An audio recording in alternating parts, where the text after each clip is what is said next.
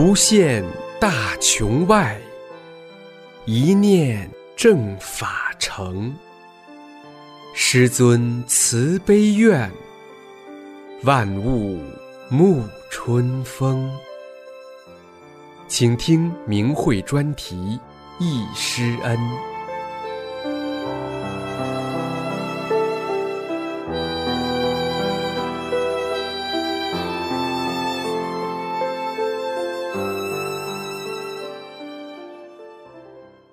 听明慧易师恩专题文章，题目是《法轮大法在吉林大学》，作者长春大法弟子。文章发表于明慧网，二零一二年六月四日。二零一二年的五月十三日是法轮大法传出二十周年的纪念日。在二十年前的这一天的长春，李洪志师傅把他自己珍贵的法轮大法。向十几亿中国民众公开。从此，截止到一九九九年七月二十日，江泽民集团开始镇压法轮大法。短短七年间，得益于大法恩惠的人们，通过人传人、心传心，使上亿的中国民众得法，修炼者普遍得到了身体的净化和精神的升华。真善忍的法理，在中共摧毁了一切信仰的中华古国。开启了道德回升、信仰复归的新篇章。吉林大学练功点的大法弟子和李洪志师傅有一段特殊的历史机缘，回忆起来，我们感慨万千。李洪志师傅对吉林大学的修炼者给予了非常多的关爱，寄予了很高的期望。靠着对师傅和真善忍大法的真诚敬仰和坚定的正信。吉林大学的修炼者们不仅仅身体受益、精神升华，二十年的磨练也让他们成熟，成为了坚定、理性、慈善的大法徒。在纪念师傅传法二十周年的时刻，我们追忆恩师传法的艰辛，感念师尊宏大的慈悲，回顾吉林大学大法弟子走过的修炼和正法之路，所有这些。对于我们都弥足珍贵。师傅曾七次莅临吉林大学，这在师傅传法的整个过程中是很少有的。师傅给予了我们那么多的关照，是我们吉林大学修炼者的幸运。师傅每一次的到来，都让我们见证了师傅慈悲的心怀和超长的功力，带给我们珍贵的启示和难忘的回忆。一，师傅在吉林大学传法。李洪志师傅几次来到吉林大学进行传法传功，既有1993年6月25日在吉林大学礼堂为气功爱好者做代工报告；1993年7月6日在吉林大学礼堂举办长春市第六期法轮大法传授班；1994年4月29日至5月8日在吉林大学礼堂举办第七期法轮大法传授班。以及一九九四年九月十八日，在吉林大学理化楼七楼小礼堂为长春辅导员讲法，第七期长春法轮大法传授班。李洪志师傅在长春办过七期传授班，其中第六期和第七期传法班是在吉林大学礼堂举办的。吉林大学礼堂位于长春市纵贯南北的人民大街西侧。解放大路北侧这个位置上，礼堂东面现在是牡丹园。每到五月，牡丹园里牡丹盛放，芍药争辉，游人如潮。吉林大学礼堂位于牡丹园的西北角，是一座古风醇厚的唐代风格的建筑。深蓝色琉璃瓦的屋顶飞檐优雅流畅，四周有朱门和白墙，坐落于绿树环绕之中。吉林大学礼堂在日伪时期。曾是日本军方的靖国神社。中共篡政后，政治运动频频，在反右运动前夕引蛇出洞，知识分子被诓骗，大鸣大放，从而陷入深重的苦难。吉林大学礼堂俗称明放宫，就保留了这段历史的痕迹。明放宫不仅有礼堂，礼堂里面的西侧面、北侧面和地下还有很多附属的房间和厅堂。这些附属的部分是吉林大学工会办公和举行活动的地方。礼堂里面两层座位，楼上和楼下可以坐一千五百多人。在师傅传法的时候，在长春也算是比较大的场所了。当时中国气功热，健身潮也是工会活动的主要项目。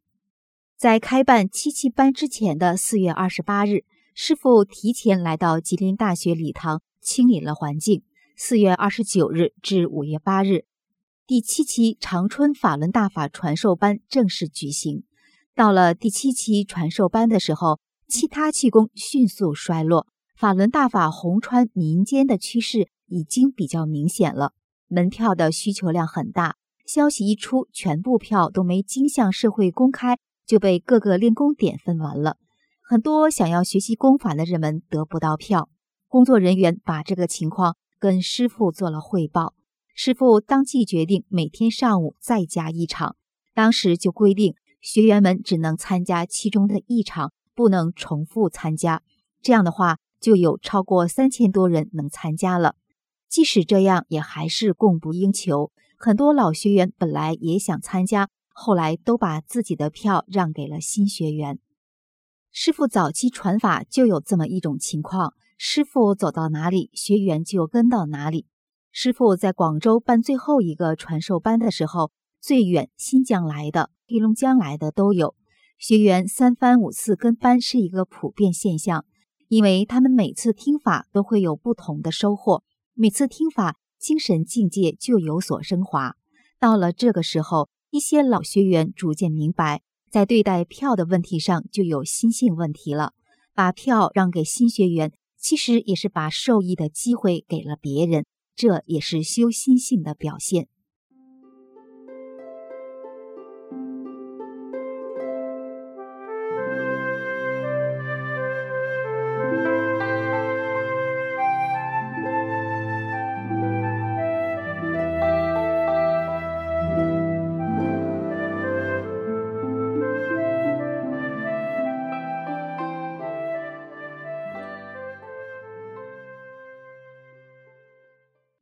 前来学法的人，各行各业的人都有。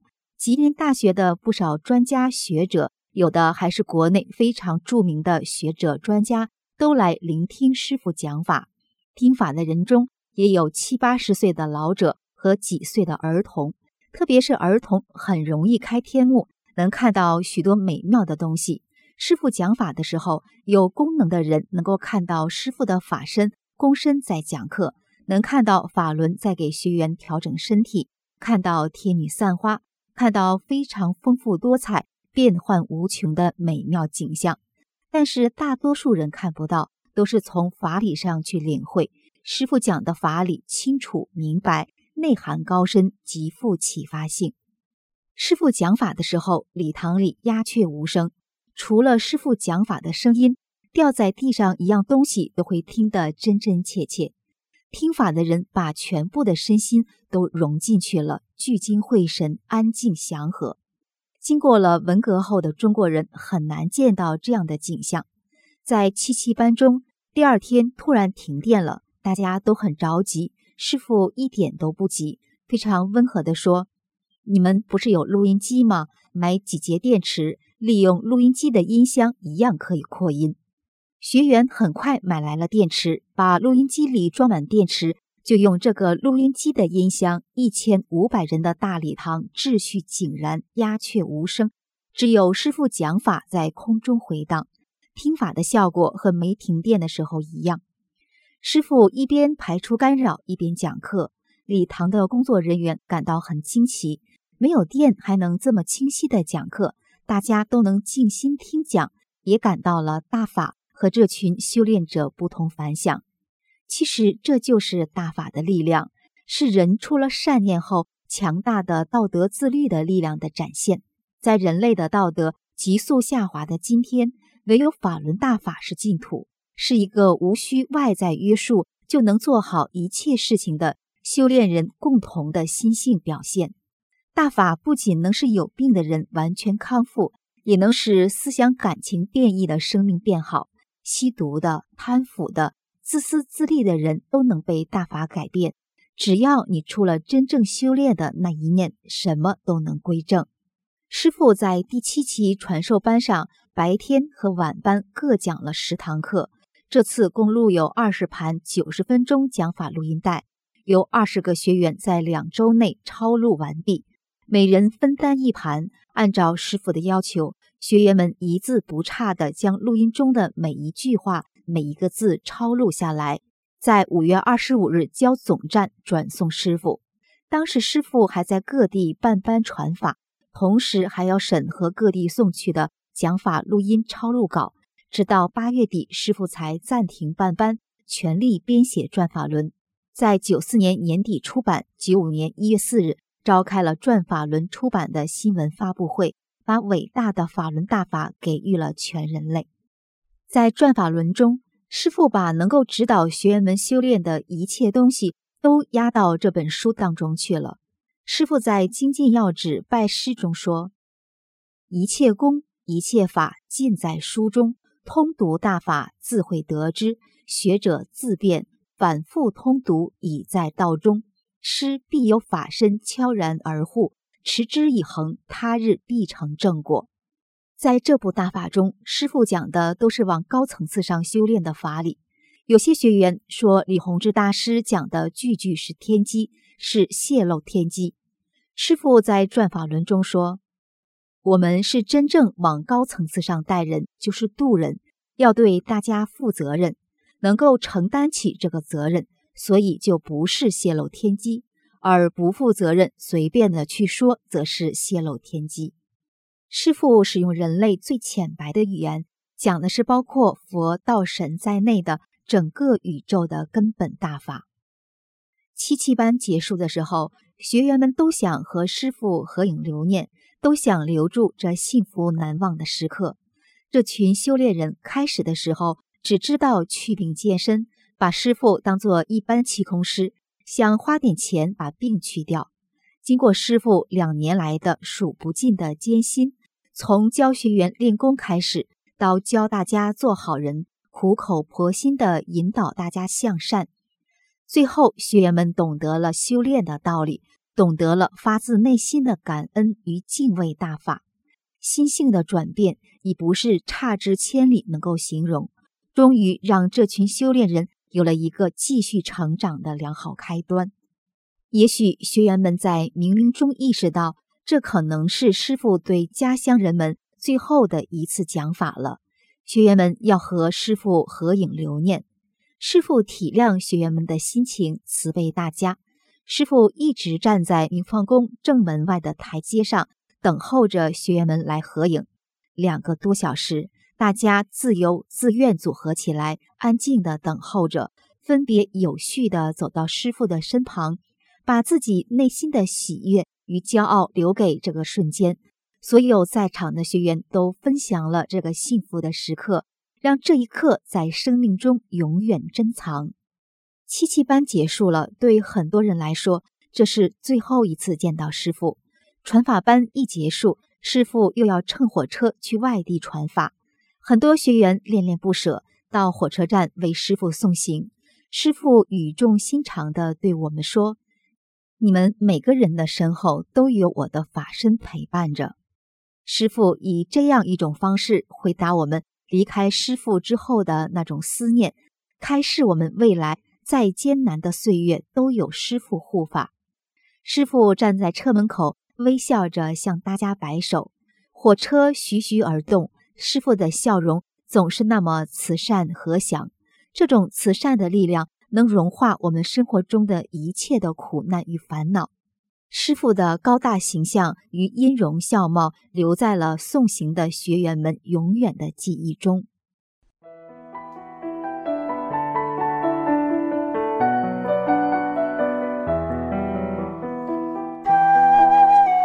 您现在收听的是明慧专题《易师恩》。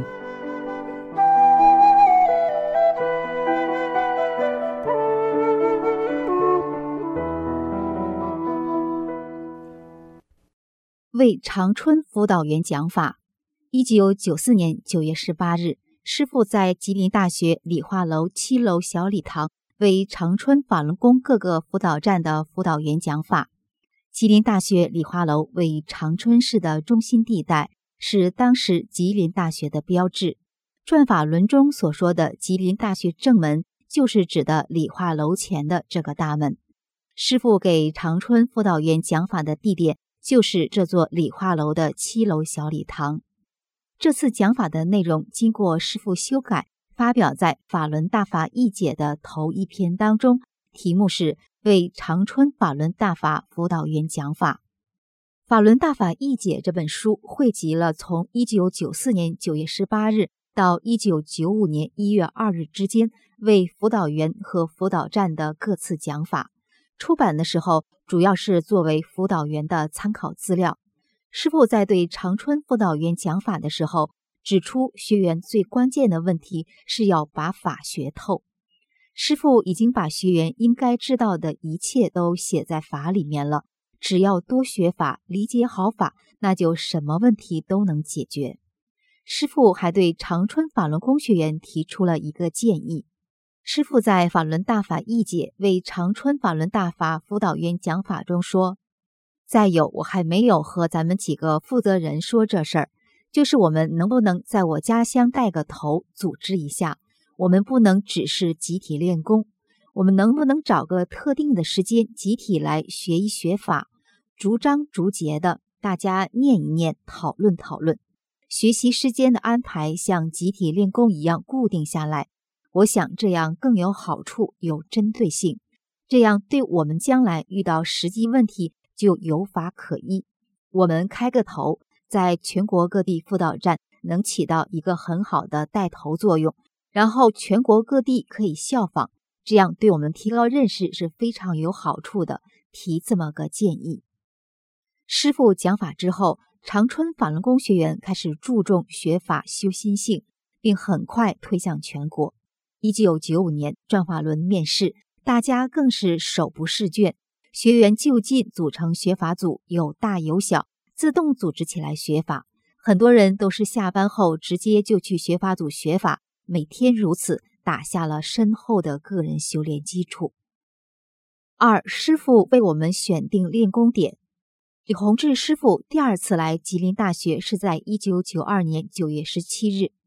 前一天参加长春四期班的吉大学员听说师傅就要到外地去办班了，就求师傅第二天到吉林大学来帮我们建立练功点。师傅很高兴的同意了。学员们一早就来到科技楼旁的小树林练功，等候师傅。不一会儿，师傅骑着一辆旧自行车来了，环视了一下环境。师傅指着科技楼前面说：“到那边去吧，我给你们清场。”这块地方位于理化楼后院的中央。师傅办第六期和第七期法轮大法传授班的吉林大学礼堂明放宫就在这里的东边偏北一点，这里很安静。风景宜人，科技楼把北侧和西侧与外界环境隔开。东侧有凉厅环廊，环廊往东不远就是牡丹园，南面是一片绿树，绿树的南面有理化楼，把这里和外界环境隔开。进到这个地方，楼前是柏油路面，宽敞而平坦，中间是花坛，有假山，花坛的周边是花圃，各种花草不时开放。花坛和花圃之间穿插着方砖铺成的小路，这个地方安静优美，真是鸟语花香。楼前路面、花圃中的小路上、树林中的空地，都是练功的好地方。大家可以根据自己的喜好选择合适的环境。师傅给选定的这个练功点是吉林大学的第一个练功点，法轮大法吉林大学辅导站就在这里诞生了。虽然没有办公地，但是晨练的时候，大家在这里聚一聚，讨论讨论，好多事就都办了。九二年的冬天，师傅从北京回来，带来了两面法轮旗，一面给了胜利公园练功点，一面就给了吉林大学练功点。能得到师傅亲授的法轮旗，是师傅对我们的爱护和鼓励，也表达了师傅对我们寄予的无限希望。大家对师傅给予的法轮旗非常珍惜，一直挂在这个练功点，陪伴着大家晨练。到现在，这面法轮旗还为学员珍藏着。后来修炼者越来越多，吉林大学发展出来了不少练功点，吉林大学也成了长春比较大的辅导站。师傅给我们选定了练功点，还为练功点清场。到这个练功点来的学员不只限于吉林大学，周边的居民也都喜欢到这里练功。晨练的时候，大家也不用指挥，练功音乐一响起来，大家马上整整齐齐的站好，开始练功，动作整齐而优美。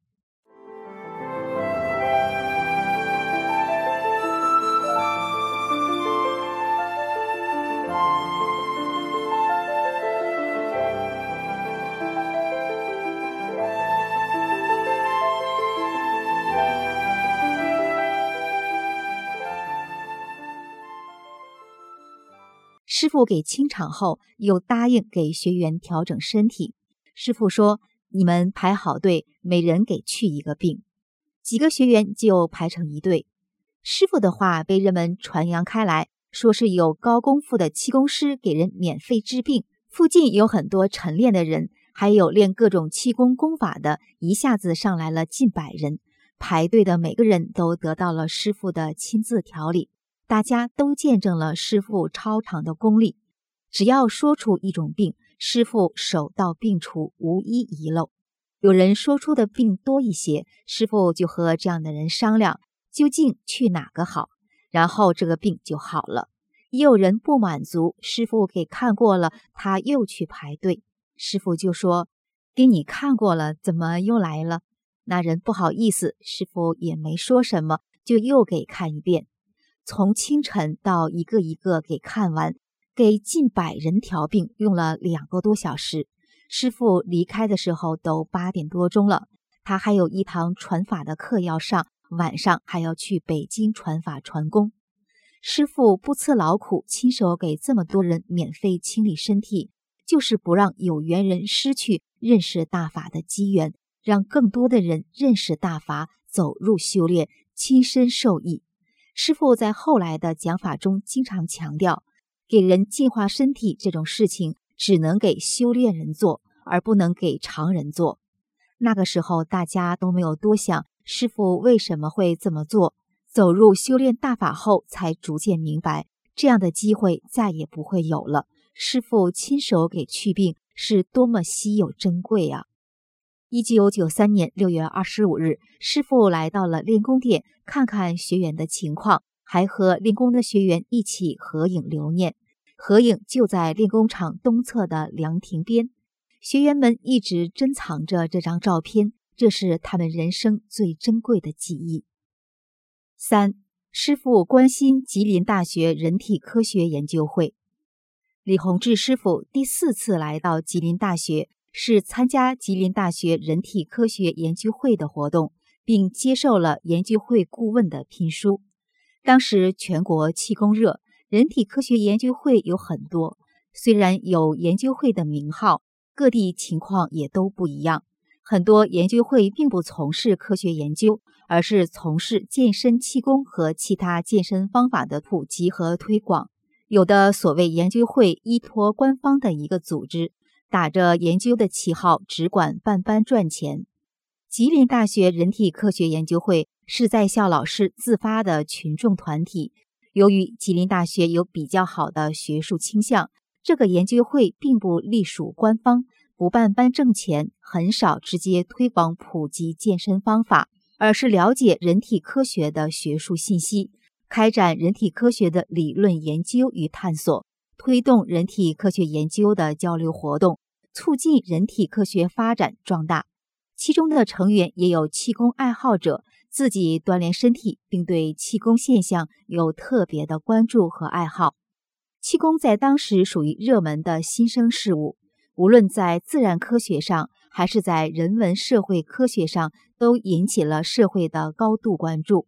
但毕竟能进行严肃研究的人不多。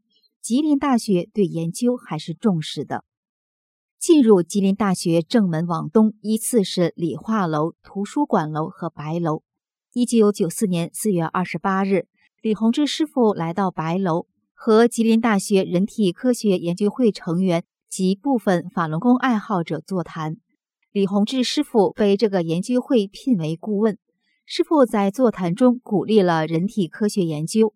据学员回忆，师傅指出，练气功可以开发人体潜能，也是搞人体科学研究的一种方法。研究人体科学有助于人类认识气功现象。那个时候，社会风气还有文革的遗风，人们的行为都不怎么讲究。我们有的学员回忆，师傅的风范给人留下深刻的印象。师傅从来不打断其他人的发言，不把自己的观念强加于人，口气亲切和缓，以商榷的口吻说话，态度谦和，尊重别人的风范，给学员留下了深刻的印象。从一九九二年五月十三日功法传出，师傅在全国各地到处传功讲法，非常辛苦，没有精力和时间参与。与传法传功无关的社会活动，当时全国的气功科学研究会有很多，各地都有。师傅在气功和开发人体特异功能方面的事迹广为人知，能够接受吉林大学人体科学研究会的聘请，是一个非常的举动。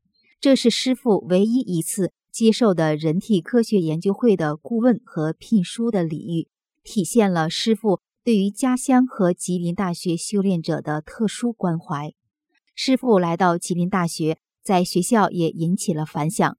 吉林大学校报于一九九四年五月十一日第三百三十七期做了详细的报道。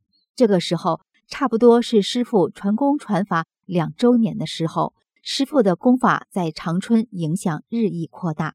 一九九四年九月十八日下午，师傅在百忙之中再次。与吉林大学人体科学研究会的部分成员座谈。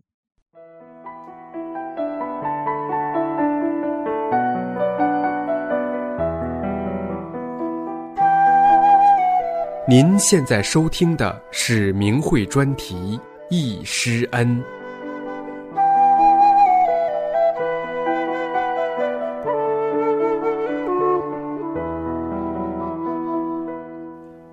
四师傅关心弟子的一些事情，在师傅传法初期，人们只知道师傅是一位很有本事的气功师，碰到一些问题的时候就找师傅解决，师傅也不推辞，就帮助解决。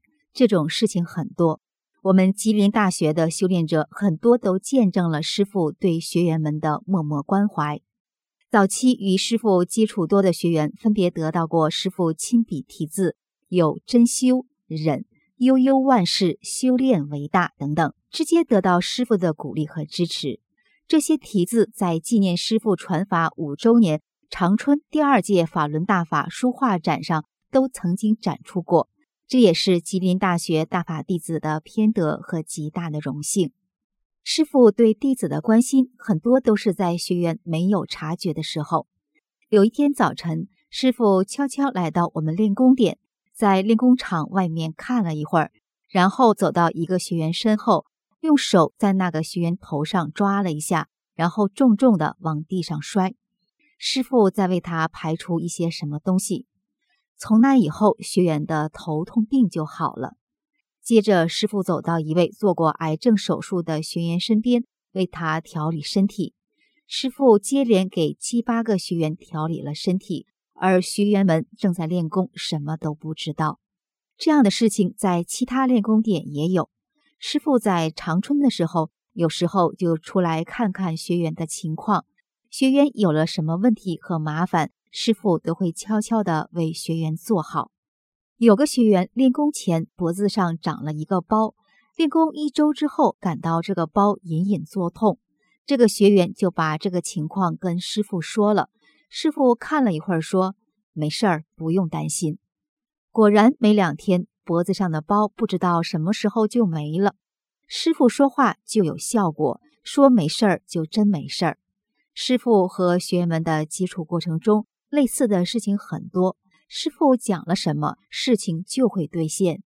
一言一语，一来一去，非常轻松自然，不知不觉中，很多事情就在起着变化。只要跟师傅在一起，大家都觉得很舒服、很祥和，想不起不好的事。大家都愿意和师傅在一起。这几乎是经常和师傅接触的学员们的共同感受。时间长了，大家逐渐知道师傅太辛苦了，也就自觉的不去打扰师傅了。对于学员求法，师傅更是非常珍惜学员的一片真心。长春第七期法轮大法传授班在吉林大学礼堂举行时，有两名五十多岁的外地女学员赶来听法。按礼堂规定，没票是不能参加的。师傅知道了这个情况，就说：“下面没位置，可以到台上吗？”师傅请他们进来，很关心地了解他们食宿的情况。这两个学员为了珍惜大法而来，得到了师傅格外的关照，满眼含泪，非常感激师傅。我们吉林大学灵功点有一个老人已经退休了，他本来是佛教的居士。一直有心向佛，但是修炼不得法。医生并不说，做居士很久也没觉得自己的心性有什么变化。后来他有幸学了法轮大法，原来的居士朋友们还来找他。师傅怕他不珍惜修炼，为了引导他了解真修的含义，不止一次和他不期而遇，与他交谈，让他注意不同的修炼人的言行。这个学员经常到庙里去，发现僧人有时候会因为香火钱吵吵闹闹。很有名望的和尚做法事的时候心不在焉，还打瞌睡。这些现象让他对于真正修炼似有所悟。通过学法，这位学员看到师傅把佛教中过去非常熟悉的那些名词概念讲得那么清楚，更坚定了他修炼大法的决心。他觉得自己碰到了真正明白佛法的人了。他遇到过去的熟悉的居士，就跟人家讲：“知道什么是法身吗？知道什么是开光吗？”后来，这位学员自己越来越明白，觉得师傅的转法轮中每句话都是法理，都是真的。过去佛教中知道的那些事情，大法中都有，但也只不过就是转法轮中的一句话、一个理而已。他修炼法轮功以后，身体的病都好了，一些顽症也都轻松的不翼而飞了。他和他的家人见证了法轮大法的功效，深感师傅功力深厚，功法神奇。再有居士来找他，他就跟人家讲：做居士的时候，什么病都有，一练法轮功，病就都好了，都是佛家的，还是法轮功比较适合自己。在江泽民迫害大法最猖獗的时候。他们一家人出去张贴真相标语和传单，力所能及的维护师傅和大法。他们一家人对师傅都非常尊敬，对大法很能维护。有谁污蔑大法、赞成邪党的时候，他们就跟人家讲事实上的情况。在传法初期，大家也就把师傅当作气功师看待，很多麻烦事都找师傅，做了不少难为师傅的事情。在《转法轮辟谷一节》中，师傅也记录了当时的一些真实情况。师傅讲，已有的人找到我，叫我处理这些乱七八糟的事，我也不愿意管这些事。后来人们逐渐认识到了，师傅不是一般气功师，师傅是来传佛法的，是来渡人的。师傅以气功师的面貌出现，但是师傅所传是真正的佛法，是万古难遇的高德大法。要想真正从大法中受益，就得以法为师，真正提高心性。心性提高了，什么都在其中了。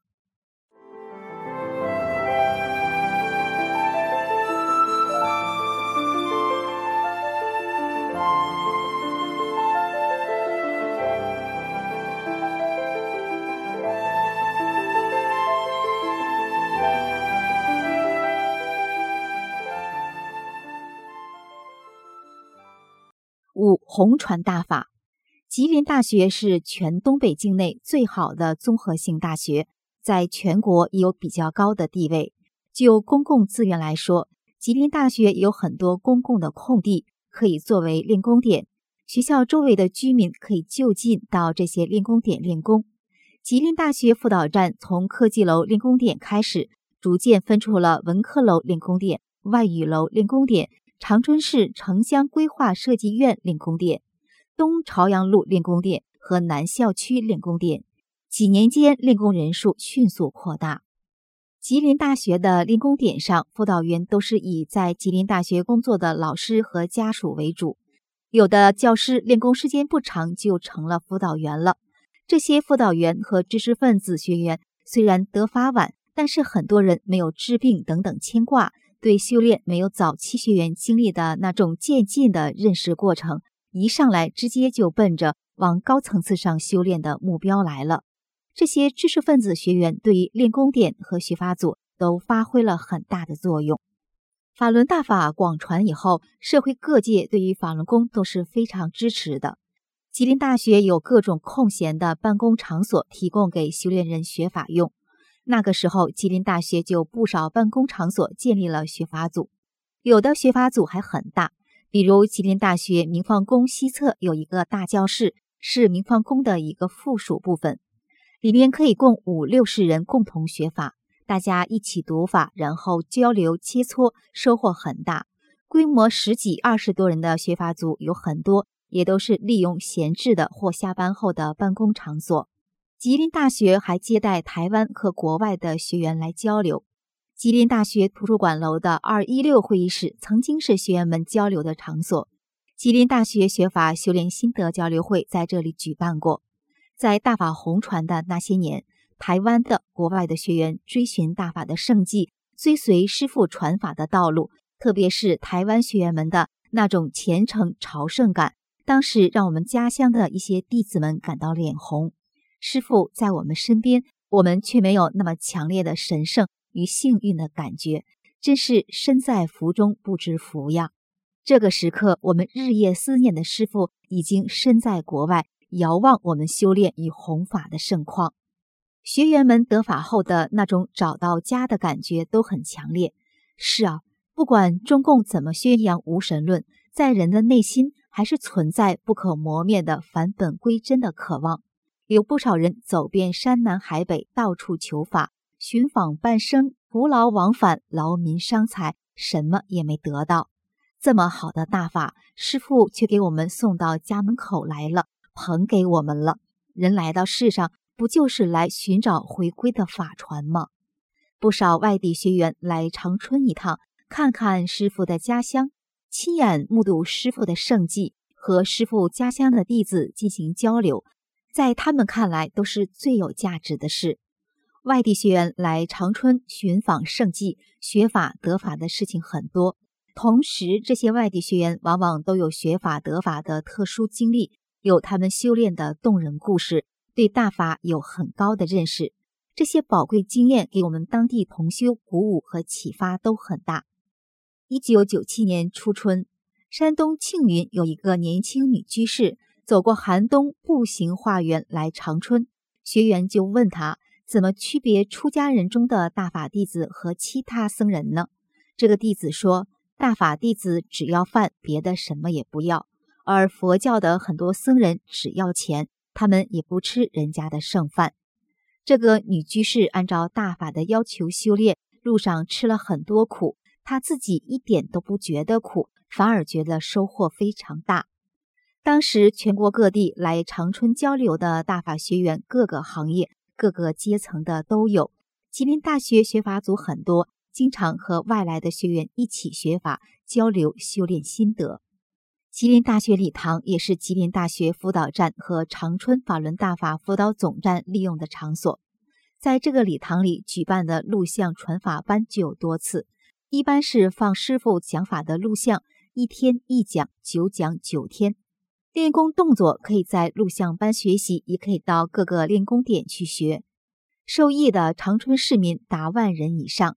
吉林大学修炼队伍日益扩大，其中有学校主要领导。校部机关的领导、各个院系的教师、学生、家属都有人走进了大法修炼的行列。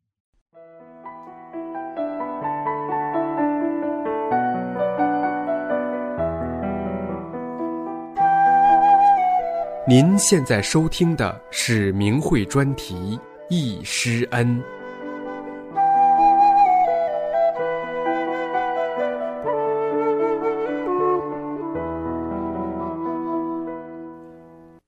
九九四年十一月二十日，长春市法轮大法辅导总站举办的长春市首届大法弟子学法得法心得交流会也在这里举行。省内外一千七百多名学员参加了交流会。交流会进行了五个多小时，十七个人做了发言，学员们讲了自己学法得法、修炼心性的体会。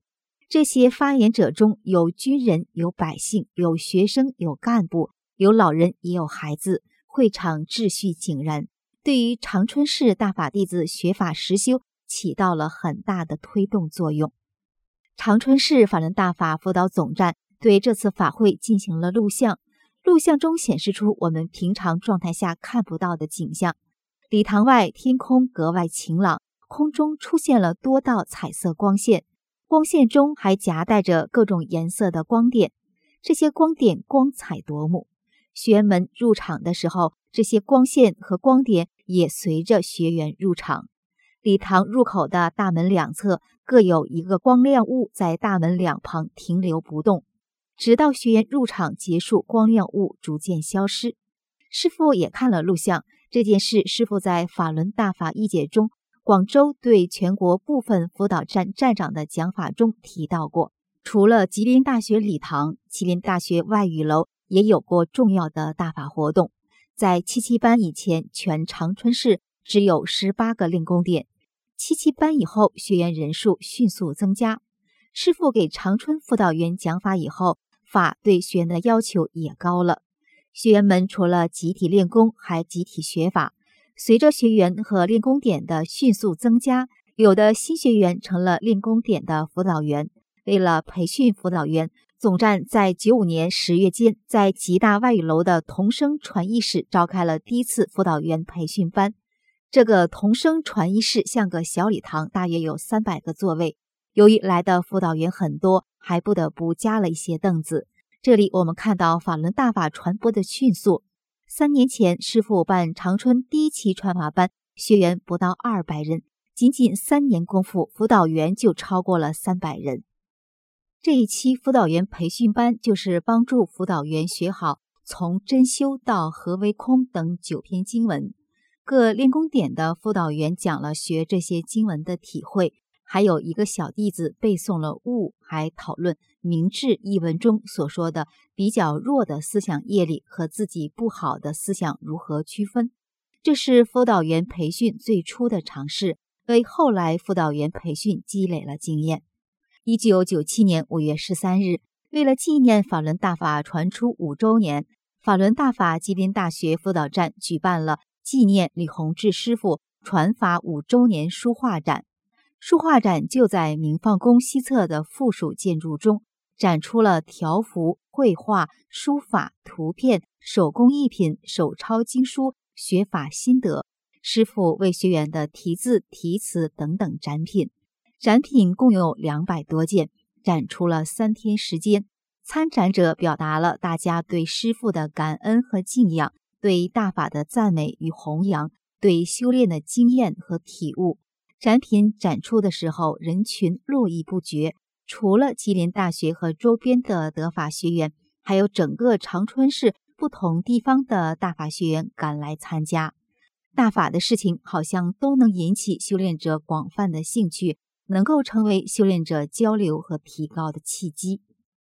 为了弘扬大法，一九九七年，吉林大学辅导站还搞了一次法轮功学员身体健康问卷调查。这项调查分别列出了十二种常见病，对练功经过不同时间后病症恢复的情况做了对比。结果表明，练功三个月症状消失或基本消失的比率占到百分之六十二。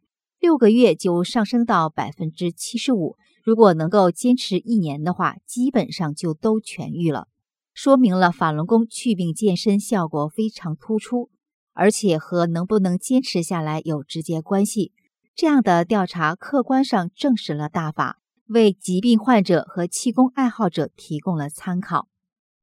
吉林大学修炼者来自全国各地，修炼者把大法传到四面八方。修炼者回老家的时候，给亲人们捎带的最珍贵的礼物就是转法轮。不管家里的亲友是不是有修炼的意愿，总要把大法的美好告诉他们知道。我们有的学员从长春往老家带转法轮，送亲朋好友几十本之多，到现在还在坚持。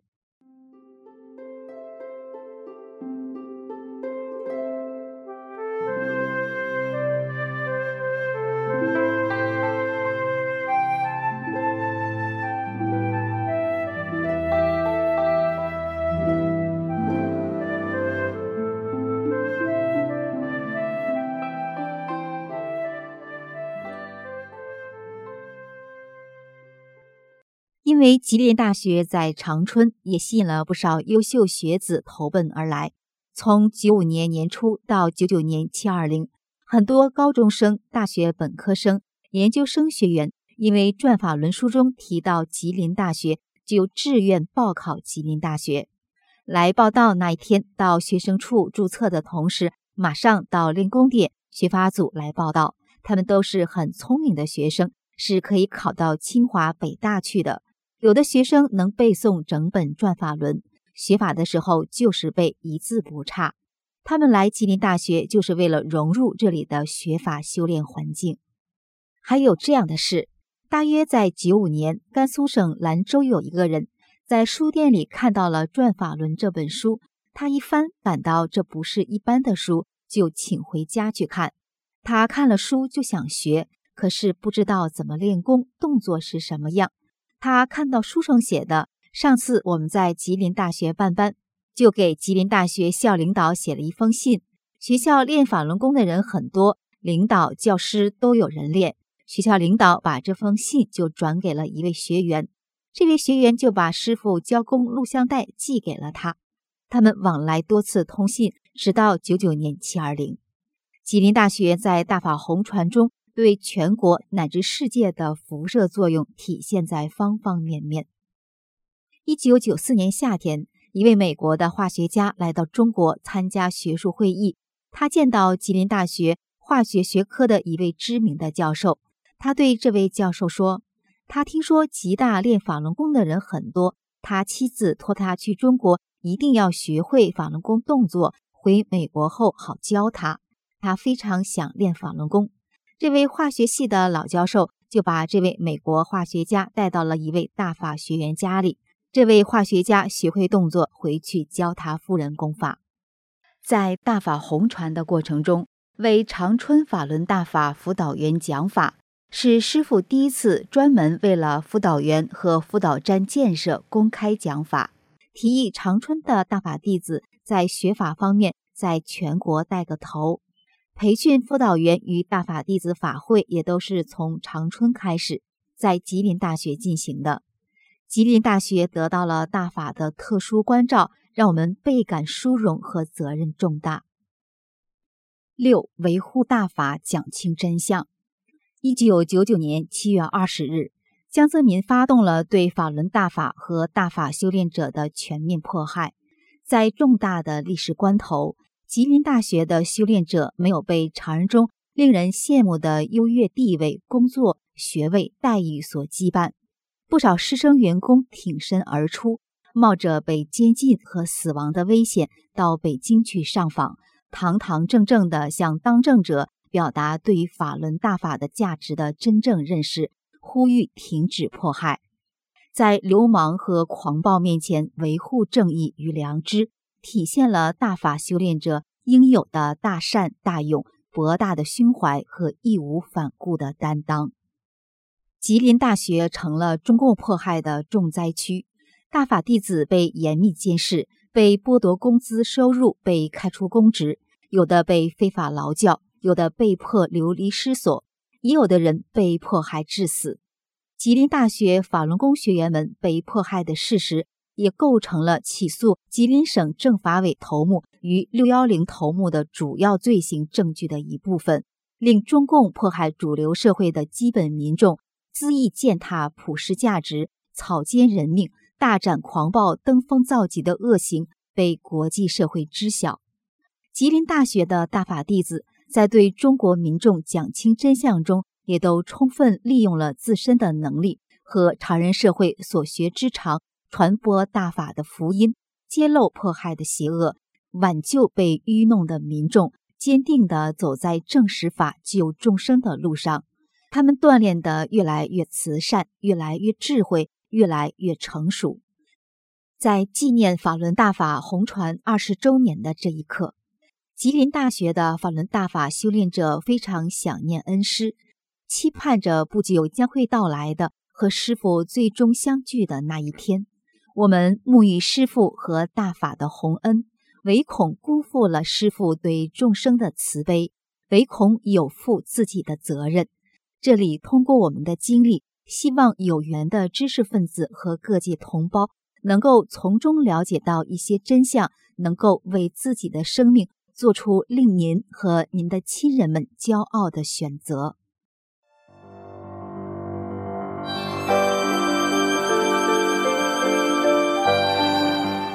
这一期的易师恩就到这里，谢谢收听。